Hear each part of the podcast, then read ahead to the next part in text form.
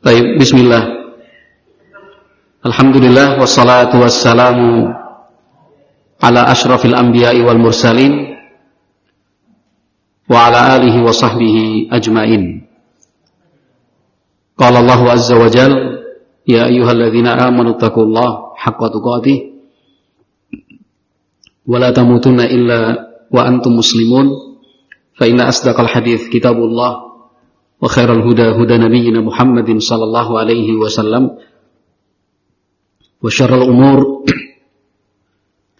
محدثاتها فإن كل محدثة بدعة وكل بدعة ضلالة وكل ضلالة في النار Jamaah salat Isya yang berbahagia Malam ini Tema yang diangkat Meneladani Ummahatul Mukminin yaitu istri-istri Nabi Muhammad Shallallahu Alaihi Wasallam. Ya mungkin permintaan dan requestnya memang ditujukan kepada kaum istri, tapi kita para suami juga punya kepentingan di sini. Yang pertama, agar kita sebagai suami mengerti dan memahami seperti apakah kriteria istri yang baik dan salehah itu. Ketika kita temukan kriteria-kriteria yang baik pada istri, maka kita bersyukur kepada Allah Subhanahu wa taala. Kalau ternyata belum kita temukan, maka jangan lupa bahwa tugas dan kewajiban membentuk para istri menjadi baik ada di tangan kita. Karena suami adalah pemimpin, penanggung jawab, pengayom, Suami adalah pendidik, pengajar, dan juga pengawas. Ketika seseorang memiliki istri yang tidak sesuai dengan kriteria kriteria salehah, jangan menyalahkan istri, jangan menyudutkan dan mendiskreditkan istri. Apalagi sampai berpikir pisah ajalah. Ternyata setelah berkeluarga tidak seperti yang diharapkan. Itu keliru. Ingat, setelah terikat dalam janji suci, ijab kabul, akad nikah, maka baik buruknya istri sudah berpindah. Berpindah tanggung jawabnya di pundak suami. Maka kepentingan kita, para suami, yang pertama itu tadi, supaya kita bisa mengerti tugas dan kewajiban membentuk, membimbing, dan mengarahkan istri menjadi istri yang baik dan salehah. Karena bagaimanapun juga seorang istri sekuat apa pun dia, sehebat sehebat apa pun dia, tetap perlu dibimbing. Dan itu yang mereka harapkan sebenarnya. Seorang suami yang bertipe pembimbing. Kemudian yang kedua, kepentingan kita juga adalah menjadi suami yang selalu mendukung, mensupport sifat-sifat kebaikan yang ada pada istri. Jangan dihalang-halangi, jangan dilarang. Kalau itu memang baik, didukung, diberikan uh, semangat, bahkan bila perlu dibantu untuk bisa lebih baik lagi.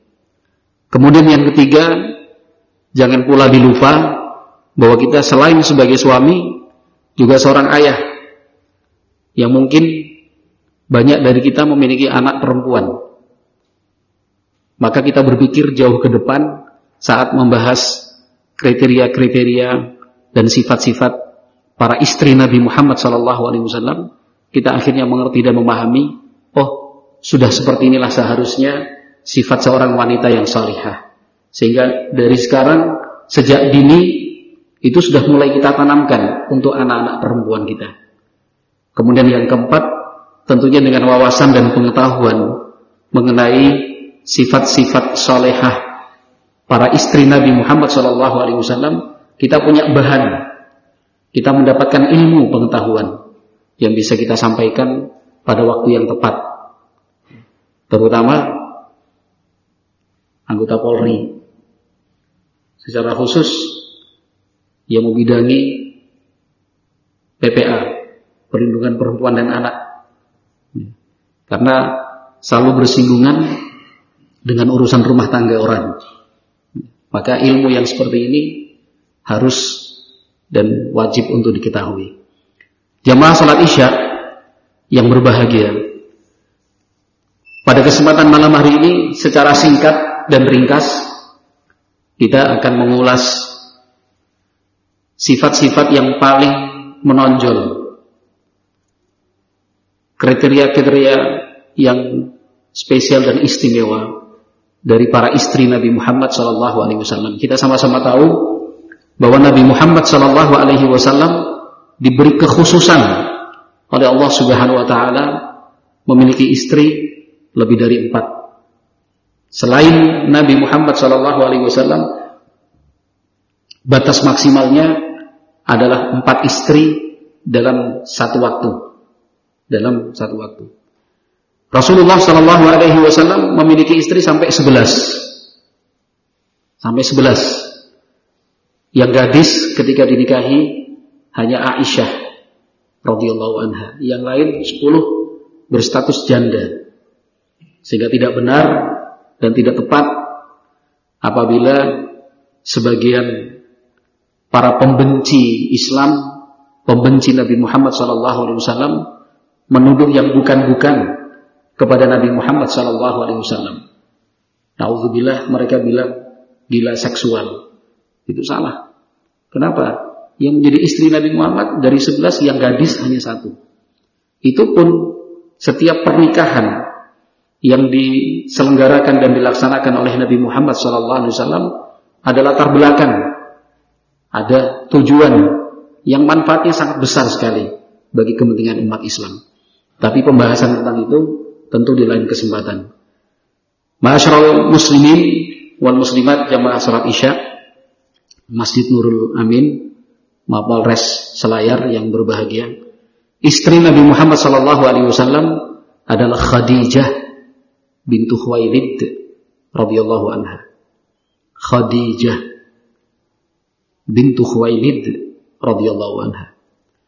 Dalam banyak referensi dan beberapa biografi yang kita baca, di sini saya ingin menukil pernyataan dari Al-Imam Az-Zahabi rahimahullah.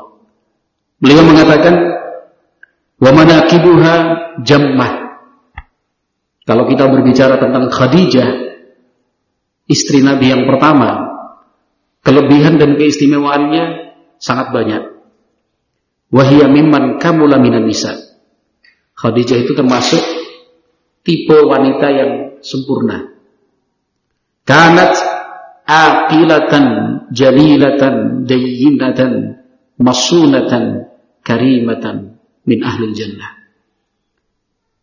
Ibunda kita Khadijah adalah seorang wanita yang cerdas, terhormat, rajin beribadah, menjaga kehormatan diri, dermawan dan sudah dipastikan masuk ke dalam surga. Kana an-nabiy sallallahu alaihi wasallam yuthni 'alaiha wa yufaddiluha 'ala sa'iril ummahatil mu'minin. Nabi Muhammad sallallahu alaihi wasallam sering memuji dan beliau secara pasti menyatakan Khadijah adalah istrinya yang terbaik dibandingkan istri-istri yang lain. Bukan sekedar memuji biasa, menyanjung seperti yang lain. Kalau sudah berbicara Khadijah, Nabi Muhammad SAW akan memuji setinggi tingginya, ya, karena memang pantas dan beliau berhak untuk dipuji. Bihaitsu inna Aisyah kanat taqulu ma ghirtu min imra'atin ma ghirtu ala Khadijah. Min kathratin nabi min kathrati dzikrin nabi sallallahu alaihi wasallam saking sering Nabi Muhammad sallallahu alaihi wasallam mengenang Khadijah bercerita tentang kebaikan-kebaikan Khadijah sampai membuat ibu kita Aisyah menyatakan kecemburuannya padahal Khadijah sudah meninggal dunia padahal Khadijah sudah meninggal dunia. Tapi karena seringnya Nabi Muhammad menyebut nyebut Khadijah dan dikenang selalu ibunda kita Aisyah menyatakan cemburu. Apa kata ibunda Aisyah? Saya tidak pernah cemburu kepada seorang wanita pun seperti cemburuku kepada Khadijah. Kenapa? Min kathrati dzikrin Nabi sallallahu alaihi wasallam Karena Nabi Muhammad sallallahu alaihi wasallam sering bercerita tentang Khadijah. Wa min karamatiha alaihi annahu lam yatazawwaj imra'atan qablaha. Dan termasuk karamah atau kelebihan yang Allah berikan untuk Khadijah. Nabi Muhammad sallallahu alaihi wasallam tidak pernah menikah sebelumnya. Karena Khadijah adalah istri yang pertama. Waja'ahu minha iddatu aulad. Dari Khadijah lah Nabi Muhammad sallallahu alaihi wasallam diberi keturunan oleh Allah Subhanahu wa taala. Tidak dari istri yang lain. Walam yatazawwaj 'alaiha qat dan semasa hidup Khadijah karena menghormati cinta dan sayangnya Nabi Nabi Muhammad SAW tidak berpoligami. Ya. tidak uh, menikah memberikan madu buat Khadijah. Kenapa? Saking hormatnya Nabi Muhammad SAW kepada Khadijah. Sampai meninggal dunia. Fawajada lifaqdiha Nabi Muhammad SAW benar-benar merasa kehilangan dengan wafatnya Khadijah. Fa'innaha kanat nikmal qarin. Kenapa kok Nabi Muhammad sangat merasa kehilangan? Karena Khadijah adalah sebaik-baik pendamping hidup. Wa kanat tunfiku alaihi min maliha. Harta, benda, dan kekayaan milik Khadijah disalurkan, digunakan, dihabiskan untuk mendukung perjuangan suaminya. Tidak berhitung, tidak ada kikir. Beliau adalah seorang wanita yang dermawan untuk Islam kasih dari harta pribadinya. Karena beliau adalah seorang saudagar yang kaya raya. Waqad amarahu Allah an yubashiraha bi baitin fil jannah. Allah Subhanahu wa taala memerintahkan Nabi Muhammad sallallahu alaihi wasallam memberi kabar gembira kepada Khadijah. Ada istana yang megah telah dibangunkan untuk Khadijah di dalam surga. Radhiyallahu anha. Itu istri Nabi Muhammad SAW yang pertama, Khadijah bintu Khuwailid radhiyallahu anha. Nukilan dari Imam Az-Zahabi ini tentu masih belum cukup. Masih belum mewakili namun yang sedikit tadi sudah bisa menggambarkan bagaimanakah kedudukan dan istimewanya Khadijah bagi Nabi Muhammad SAW. Kriteria-kriteria yang semakin sulit untuk kita temukan di kalangan istri. Seorang istri yang setia, seorang istri yang tenang, seorang istri yang mendukung, seorang istri yang bukannya memberatkan, tetapi justru mengurangi beban dan meringankan. Perjuangan Islam di awalnya itu sangat berat sekali. Ketika Nabi Muhammad SAW pertama kali mendapat wahyu dari Allah Subhanahu Wa Taala di Gua Hira, beliau pulang dalam keadaan menggigil karena itu peristiwa yang sangat langka. Ya, bertemu dengan malaikat Jibril dipeluk di dekat. Yang dengan tenang. Mendamaikan hati dan perasaan Nabi Muhammad. Siapa lagi kalau bukan Khadijah? Diselimuti suaminya. Dihibur, disupport. Dengan tegas lagi penuh cinta Khadijah mengatakan la yuhzi abadan. Suamiku mustahil dan tidak mungkin Allah Subhanahu wa taala menghinakan dirimu karena engkau adalah orang baik. Itu kan kata-kata penguat ketika seorang suami dihadapkan dengan masalah besar Bukan istri nimbrung nambah masalah. Tetapi istri adalah sumber energi. Ya. Istri adalah pusat dari kekuatan yang selalu mendukung, yang selalu mendampingi. Terus memberikan kekuatan. Doa seorang istri tentu tulus untuk suaminya. Maka kita berharap istri-istri kita adalah Khadijah-Khadijah di zaman sekarang. Amin ya ini? Amin. Baik.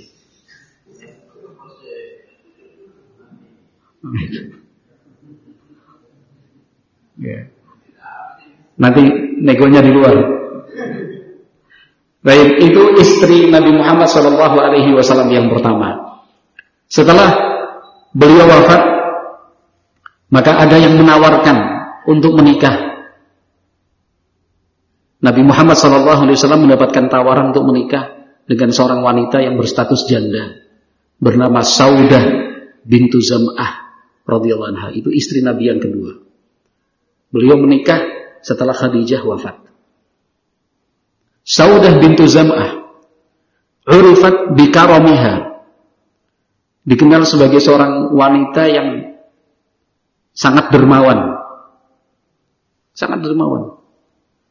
Apa pun yang beliau punya itu dibagi-bagikan kepada yang membutuhkan. Suatu saat Khalifah Umar bin Khattab radhiyallahu anhu mengirim hak sebagai janda Rasulullah sallallahu alaihi wasallam dari Baitul Mal dikirim uang yang cukup banyak. Satu kantong uang dirham. Apa yang beliau lakukan? Fafarraqatha 'alal fuqara. Hari itu juga tanpa pikir panjang dibagi-bagikan untuk fakir miskin. Itu Saudah bintu Zam'ah. Alangkah beruntungnya seorang suami yang punya istri dermawan. Beruntung sekali. Artinya kepada orang lain saja dermawan. Apalagi untuk kepentingan suami, kepentingan anak-anaknya. Kepentingan keluarga suaminya, mertuanya. Sangat menyedihkan kalau seseorang itu punya istri pelit. Kikir. Mudah-mudahan kita yang hadir di sini nggak ada yang istrinya pelit. Amin juga lah. Kalau misalkan kikir dan pelit, kita kembali ke poin yang pertama tadi. Tugas seorang suami mendidik. Jangan mencela, jangan menjelek-jelek orang kamu itu dasar pelit, kikir. Ya tidak seperti itu. Ya tugasmu, wahai suami, untuk mendidik istri. Dermawan. Hmm? Pasal satu, kembali kepada suami adalah penanggung jawab. Nggak bisa menyalahkan istri. Ya, sudah menjadi tanggung jawab kita. Kita yang menjadi pengarah begini seharusnya diarahkan dengan cara yang baik, yang bijak, lemah lembut, dan tentunya penuh penuh cinta. Jadi beruntung sekali lah. Beruntung sekali seorang suami yang beristrikan wanita dermawan. Tanpa kita suruh, istri bisa menggantikan posisi dan juga bisa menambal kekurangan kita yang jarang di rumah. Coba bayangkan seorang suami kerja tugas di kantor dari pagi sampai sore. Bahkan mungkin sampai menginap. Ada hal-hal khusus memerlukan menginap berhari-hari bahkan. Yang menjadi back to back-nya kita, back to back-nya suami di rumah siapa kalau bukan istri? Ada tetangga sakit, ada tetangga kecelakaan, ada tetangga melahirkan, ada tetangga anaknya meninggal dunia ada tetangga rumahnya kebakaran, ada kerja bakti, gotong royong di kampung, pembuatan jalan, saluran air, pemasangan lampu, buat pos ronda. Ini yang menggantikan posisi kita di masyarakat siapa kalau bukan istri? Istri yang baik tentu mengerti, suami saya tugas di luar. Jadi saya yang harus menjadi wakilnya di tengah-tengah masyarakat.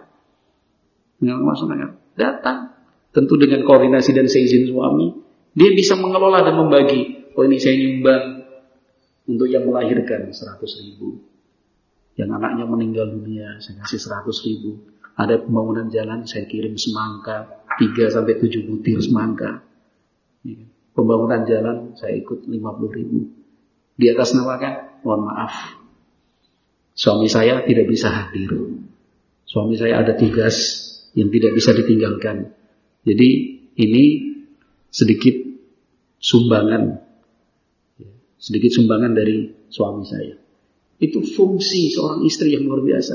Tapi kalau kikir coba, kalau bakhil, pelit, jangankan untuk orang lain, untuk suaminya aja mungkin diirit-irit, irit-iritnya mencekik lagi, ya kan? Gaji udah diserah terimakan pada istri, kita lagi butuh, nggak bisa pak. Duh, harus nyari yang lain akhirnya. Tapi yang lain apa Pak Kapolsek? Bukan yang lain istri maksudnya. Pendapatan yang lain. Dan itu luar biasa. Kita para suami yang memiliki istri seperti itu sangat-sangat bisa merasakan. Menjadi wakil di rumah dan di tengah-tengah masyarakat. Menjadi wakil di keluarga. Itu tadi kan contohnya tetangga-tetangga. Nah, kalau keluarga kita sendiri sedang ada acara, kita sendiri nggak bisa hadir, istri yang datang. Ya mohon maaf, bagi kita yang istrinya bercadar, berhijab, itu juga bukan halangan. Tetapi bisa bersosial, bisa bermasyarakat. Toh juga nanti kalau sudah masuk rumah tetangga, bisa dia buka dan lepas cadarnya, bisa dia bersosialisasi. Mohon maaf, ini Pak Mukhtar baru ke Selayar. Ya kan? Suami saya Pak Mukhtar baru ke Selayar. Ya, kan? ya apa walaupun berat hati sebenarnya tapi dihubungin terus akhirnya berangkat nih. Jadi ini ada sumbangan dari Pak Mukhtar begitu itu bisa kita rasakan. Meniru dan meneladani Saudah bintu Zam'ah radhiyallahu taala anha. Kemudian istri Nabi Muhammad sallallahu alaihi wasallam yang ketiga adalah Aisyah. Aisyah anak perempuan putri Abu Bakar As-Siddiq radhiyallahu anha. Hadis-hadis bahkan ayat Al-Qur'an yang menerangkan kedudukan dan keistimewaan Khadijah, eh, Aisyah, kedudukan Aisyah itu sangat banyak sekali. Seorang wanita suci. Hmm. Karena yang menyatakan kesuciannya adalah Allah Subhanahu wa taala dari atas langit sana.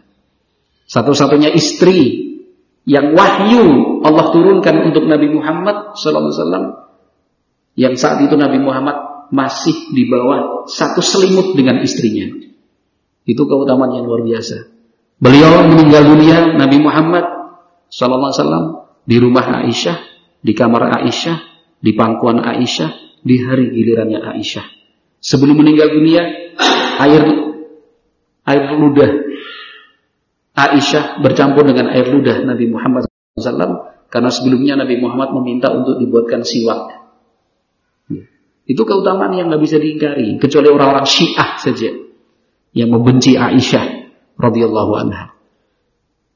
Dari sekian banyak kelebihan dan keistimewaan Aisyah, yang paling menonjol adalah di bidang keilmuan. Bisa dikatakan a'lamun nas di dinil Islam Aisyah wanita yang paling mengerti dan paling menguasai ajaran Islam adalah Aisyah. Itu yang nomor satu.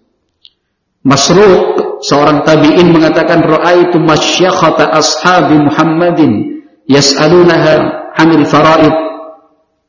Saya menyaksikan sendiri sahabat-sahabat senior Nabi Muhammad SAW, mereka datang kepada Aisyah bertanya tentang ilmu faraid ilmu waris. Al-Imam Az-Zuhri mengatakan lau jumi'a ilmu Aisyah ila ilmi jami'in nisa lakana ilmu Aisyah ta'afdala. Seandainya ilmu Aisyah kemudian dibandingkan dengan ilmu semua wanita yang ada di dunia ini ditimbang dan dibandingkan tentu ilmunya Aisyah seorang diri itu yang lebih baik dan lebih lengkap. Itu secara keilmuan Aisyah radhiyallahu anha. Sahabat Abu Musa Al-Asy'ari mengatakan, "Ma askala alaina ashab Rasulullah sallallahu alaihi wasallam haditsun qad fasa'alna Aisyah illa wajadna indaha minhu ilma." Tidak pernah kami para sahabat Nabi tidak memahami satu hadis yang diriwayatkan dari Nabi Muhammad alaihi salatu wasallam kemudian kami tanyakan kepada Aisyah kecuali pasti ada jawaban dari Aisyah radhiyallahu anha seorang wanita yang berilmu. Maka riwayat-riwayat hadis yang datang dari Aisyah itu sangat banyak sekali. Seorang wanita yang sangat dicintai oleh Nabi Muhammad Sallallahu Alaihi Wasallam. Kemudian istri Nabi yang keempat adalah Hafsah. Hafsah putri Umar bin Al-Khattab radhiyallahu taala Beliau dikenal sebagai seorang wanita yang memiliki kefasihan dan kemampuan berbicara bahkan berpidato. Ketika ayahnya Umar bin Khattab meninggal dunia dikarenakan dibunuh, maka Hafsah menyampaikan pidato yang sangat terkenal dan begitu mengena di dalam hati. Hafsah termasuk sedikit wanita yang bisa menulis pada waktu itu. Pada waktu itu kemampuan menulis itu terbatas. Apalagi di kalangan perempuan. Hafsah itu termasuk yang pandai menulis. Pernah ditalak oleh Nabi Muhammad SAW karena urusan keluarga. Dan itu bukan celah. Bukan aib. Kenapa? Karena dengan peristiwa itu kita mendapatkan ilmu dan pengalaman. Malaikat Jibril alaihi salam datang menemui Nabi mengatakan raji hafsata fa innaha sawwamatun qawwamatun wa innaha zaujatuka fil jannah disahihkan oleh Syekh Al-Albani rahimahullah malaikat Jibril mengatakan kamu harus rujuk dengan Hafsah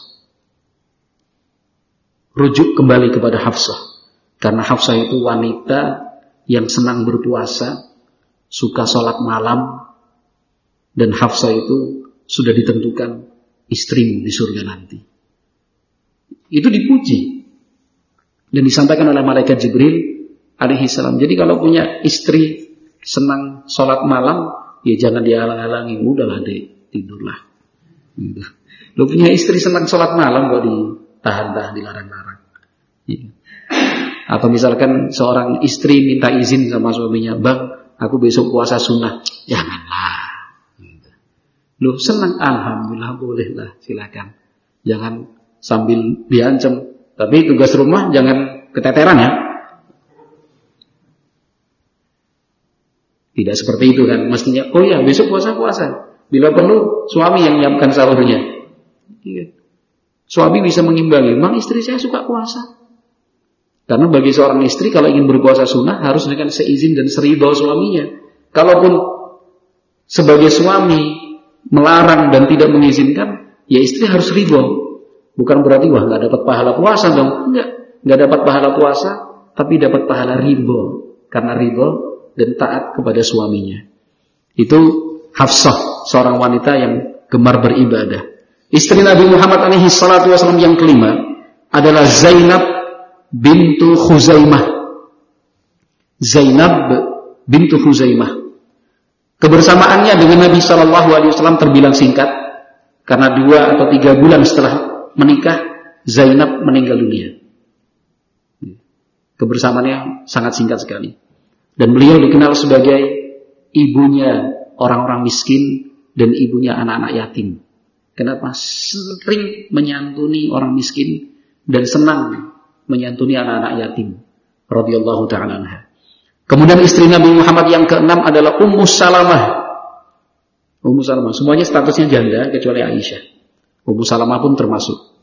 Akhadahan Nabi sallallahu alaihi wasallam ma'ahu fi adadin minal ghazawat wa akhadha bi ra'yiha fi yaumin Hudaybiyah fakana tusafu bi ra'yi sa'ib.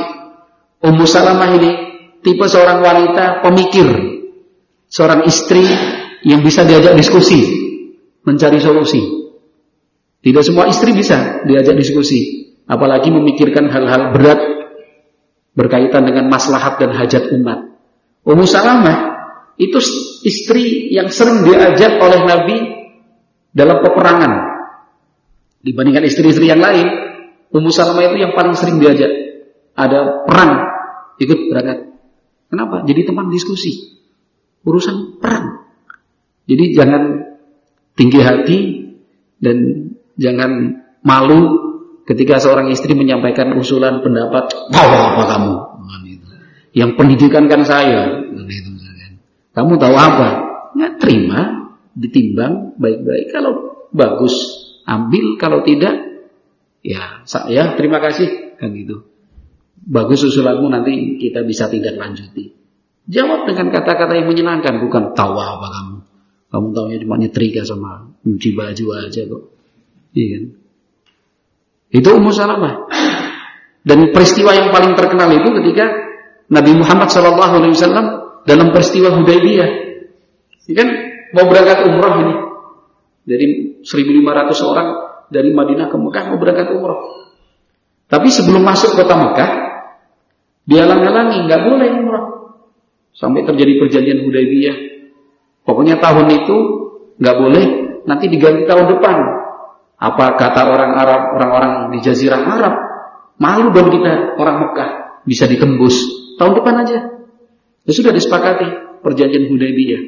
Nah sebelum pulang Nabi Muhammad alaihi salatu menyampaikan kepada sahabat-sahabatnya untuk memotong hewan yang sudah dibawa, kambing, ya, onta, disembelih. Kemudian tahalul, cukur rambut. Tapi ketika Nabi Muhammad menyampaikan itu, pada hari itu, saat itu, tidak ada satupun sahabat yang kemudian bergerak melaksanakan apa yang diinginkan Nabi. Sampai Nabi Muhammad sedih. Masuk ke dalam tenda, kemah beliau secara khusus, dan itu terlihat raut wajah Nabi yang sedang memikirkan sesuatu dilihat oleh Ummu Salamah. Ada apa suamiku? Ini mereka. Saya minta untuk nyembelih, nggak dilaksanakan. Saya bilang ke mereka untuk cukur rambut, tahalul juga tidak mau. Jangan seperti itu. Anda keluar. Jangan bicara. Jangan berkata apa-apa. Diam. Panggil tukang cukur. Anda bercukur. Hewannya Anda sembelih sendiri. Nggak usah bicara apa-apa. Begitu ya? Iya, keluar. Keluar, hewannya disembelih, Nabi Muhammad, mana tukang cukur? Datang. Cukur. Para sahabat ketika melihat itu sudah, mereka rebutan bercukur. Sampai digambarkan para perawi, seakan-akan mereka itu seperti orang yang sedang berkelahi saling membunuh, kenapa rebutan untuk bercukur. Artinya, Ummu Salamah memberikan pandangan dan saran nggak usah dalam bentuk ucapan, perbuatan. Ya. Jangan perintah secara lisan, tapi kerjakan di depan mereka. Itu Ummu Salamah. Sehingga kalau kita membaca biografi Ummu Salamah, karena tusafu birra'yi sa'ib. Itu punya gelar pemikirannya tajam, pemikirannya brilian. Radhiyallahu anha. Istri Nabi yang ketujuh adalah Zainab bintu Jahash Zainab bintu Jahash, seorang wanita mulia, asli dari suku Quraisy, termasuk keluarga bangsawan. Jandanya Zaid bin Harithah radhiyallahu anhu. Satu-satunya wanita ya, satu-satu wanita yang dinikahi oleh Nabi Muhammad alaihi salatu wasallam perintahnya ada di dalam Al-Qur'an. Di dalam surat Al-Ahzab. Walaupun beliau seorang bangsawan, orang yang berlatar belakang apa hartawan keluarga besarnya. Tapi matat walam tatruk dirhaman wala dinaran urifat bizuhdi ketika meninggal dunia tidak ada harta yang diwariskan. Tidak ada uang dirham tidak ada uang dinar nggak ada barang-barang yang diwariskan. Kenapa? Hidup zuhud. Karena apalagi yang mau dicari apalagi yang mau diharapkan sesaat lagi meninggal dan nanti akan bertemu dan digabungkan kembali bersama Nabi Muhammad Sallallahu Alaihi Wasallam. Kemudian yang ketujuh adalah Juwairiyah. Oh, yang kedelapan. Ya. Yang kedelapan, siap salah. Ya. Ya. Yang kedelapan adalah Juwairiyah radhiyallahu taala anha, istri Nabi Muhammad SAW yang kedelapan. Beliau dikenal sebagai ahli ibadah terutama senang berzikir dan berdoa. Alimah Muslim rahimahullah taala meriwayatkan Nabi Muhammad alaihi salatu wasallam selesai sholat subuh selesai sholat subuh ada keperluan keluar. Waktu itu istrinya Juwairiyah di rumah itu sedang bertasbih berzikir. Pertengahan siang jam-jam 10 antara jam 10 sampai jam 11 Nabi Muhammad pulang ke rumah pas gilirannya Juwairiyah masih duduk berzikir. Wah, cari istri seperti ini luar biasa.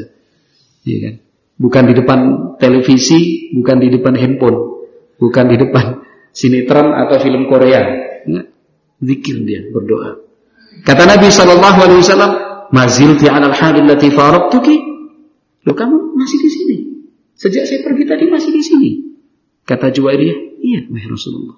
Saya masih di sini bertasbih. Kemudian kata Nabi Muhammad alaihi salatu wasallam, "Laqad kuntu ba'daki arba'a kalimatin thalatha marratin law wuzinat bima kulti munzul yaum hunna." Kata Nabi alaihi salatu wasallam memberikan arahan gini loh. Ketika saya pergi tadi, saya membaca zikir sebanyak tiga kali. Saya ulang tiga kali. Kalau dibandingkan dengan zikirmu dari tadi pagi sampai saya ulang ini, sama itu. Dan itu. Yaitu apa? Subhanallah wa bihamdih adada khalqih wa ridha nafsih wa zinata arsyih wa midada kalimatih. Diulang tiga kali, itu nilainya sama dengan orang yang berzikir dari jam 6 sampai jam 10 pagi. Artinya itu barokah. Barokah istri yang saleh akhirnya menjadi sebab datangnya ilmu. Bukan berarti oh sia-sia dong, tidak. Itu menggambarkan bahwasanya istri beliau Juwariyah adalah seorang istri yang selalu ingat kepada Allah Subhanahu wa taala. Kemudian yang ke sembilan, dan sampai salah lagi. Ya. Kan? Yang ke sembilan adalah Ummu Habibah Ramlah bintu Abi Sufyan. Ya. Putri dari Abu Sufyan, orang yang paling membenci dan memusuhi Nabi Muhammad. Tapi anak perempuannya masih Islam. Beliau adalah wanita yang paling dekat secara nasab dengan Nabi Muhammad alaihi salatu wasallam karena masih terhitung sepupu. Ummu Habibah adalah istri yang paling banyak maharnya. Karena yang membayarkan maharnya adalah Raja Najasyi. Sebanyak 400 keping emas, 400 dinar. Dilamar, dinikahkan, Padahal jaraknya jauh karena diwakilkan. Ya. Waktu itu Ummu Habibah masih ada di Afrika di Habasyah karena suaminya dikatakan meninggal dunia. Radhiyallahu taala anha. Kemudian yang ke-10 Safiyah bintu Huyai. Safiyah bintu Huyai, istri Nabi Muhammad alaihi salatu wasallam yang cintanya kepada Nabi Muhammad itu tidak bisa ditutup-tutupi. Terlihat jelas sekali Semuanya cinta kepada Nabi Muhammad, tapi ini punya nilai lebih. Cintanya kepada Nabi Muhammad alaihi salatu wasallam. Ketika Nabi Muhammad jatuh sakit, semua istrinya dikumpulkan. Melihat kondisi Nabi Muhammad alaihi salatu wasallam, Sofia yang memang terkenal cantik sekali. Sofia mengatakan, "Inni wallahi ya Nabi Allah, lawaditu anna alladhi bika bi." Melihat kondisi Rasulullah itu, kata Sofia, Demi Allah, wahai Nabi, saya ingin sekali yang Anda rasakan sekarang ini berpindah pada saya. Jangan Anda yang sakit, biar saya saja yang sakit. Oh, ini kan menunjukkan cintanya. Lah istri-istri Nabi Muhammad yang lain main mata. Hmm. Biasalah wanita. Artinya ya kalau bahasa kita hmm, lebay gitu ya. Nah, Apa kata Nabi alaihi salatu wasallam? Matna dalam riwayat seperti itu. Kalian harus membersihkan mulut kalian, berkumur-kumur. Istri-istri Nabi yang lain tanya, loh kenapa? Kata Nabi alaihi salatu wasallam, minta muzikun nabiha. Karena kalian tadi, apa namanya, me, me apa? Mau menyinyir. Ya, karena kalian tadi menyinyir sama Sofia. Wallahi innaha sadiqah. Kata Nabi Muhammad, dibela istrinya di depan istri-istri yang lain. Demi Allah, yang dia katakan tadi itu memang betul-betul jujur dari hatinya. Bukan cuma bukan cuma apa? Iya, bukan cuma rayuan. Wah, Rasulullah yang sakit jangan kamu anda lah, biar aku aja. Nah itu, itu bukan gombal. Dari komen dari rekomendasi Nabi Muhammad. Demi Allah, yang diucapkan tadi dia itu jujur dari hatinya. Kemudian istri Nabi Muhammad yang terakhir, yang ke-11 adalah Maimunah bintul Harith. Kata Aisyah, "Zahabat wallahi Maimunah, ama innaha kanat min atqanallah wa awsalana lirrahim." Ketika Maimunah meninggal dunia, Aisyah merasa kehilangan padahal madunya Karena yang paling sering dan termasuk yang banyak membela Aisyah adalah Maimunah. Sesama istri. Kata Aisyah, demi Allah, Maimunah sudah wafat. Maimunah itu adalah orang yang istri yang paling bertakwa di antara kita. Dan orang yang paling sering dan paling semangat untuk menjaga silaturahmi. Ya kita juga tentu berharap istri kita semangat untuk menyambung tali silaturahmi. Bukan silaturahmi keluarganya saja, tetapi juga keluarga kita dia istri kita ngerti kita punya kakak, kita punya adik, kita punya aman, ya kita punya kakek. Dipikirkan sama istri kita, bang, adik abang udah ditelepon belum? Itu pamannya abang sedang sakit nggak dijenguk, gitu. Itu kakeknya abang kemarin telepon, katanya kok sudah lama nggak dikunjungi. Oh ya, udah kita tengok. Bukan keluarga, keluarga, keluarga terus. Aku kapan dipikirnya? Bukan seperti itu. Oh, dia tiap hari serumah dengan suaminya.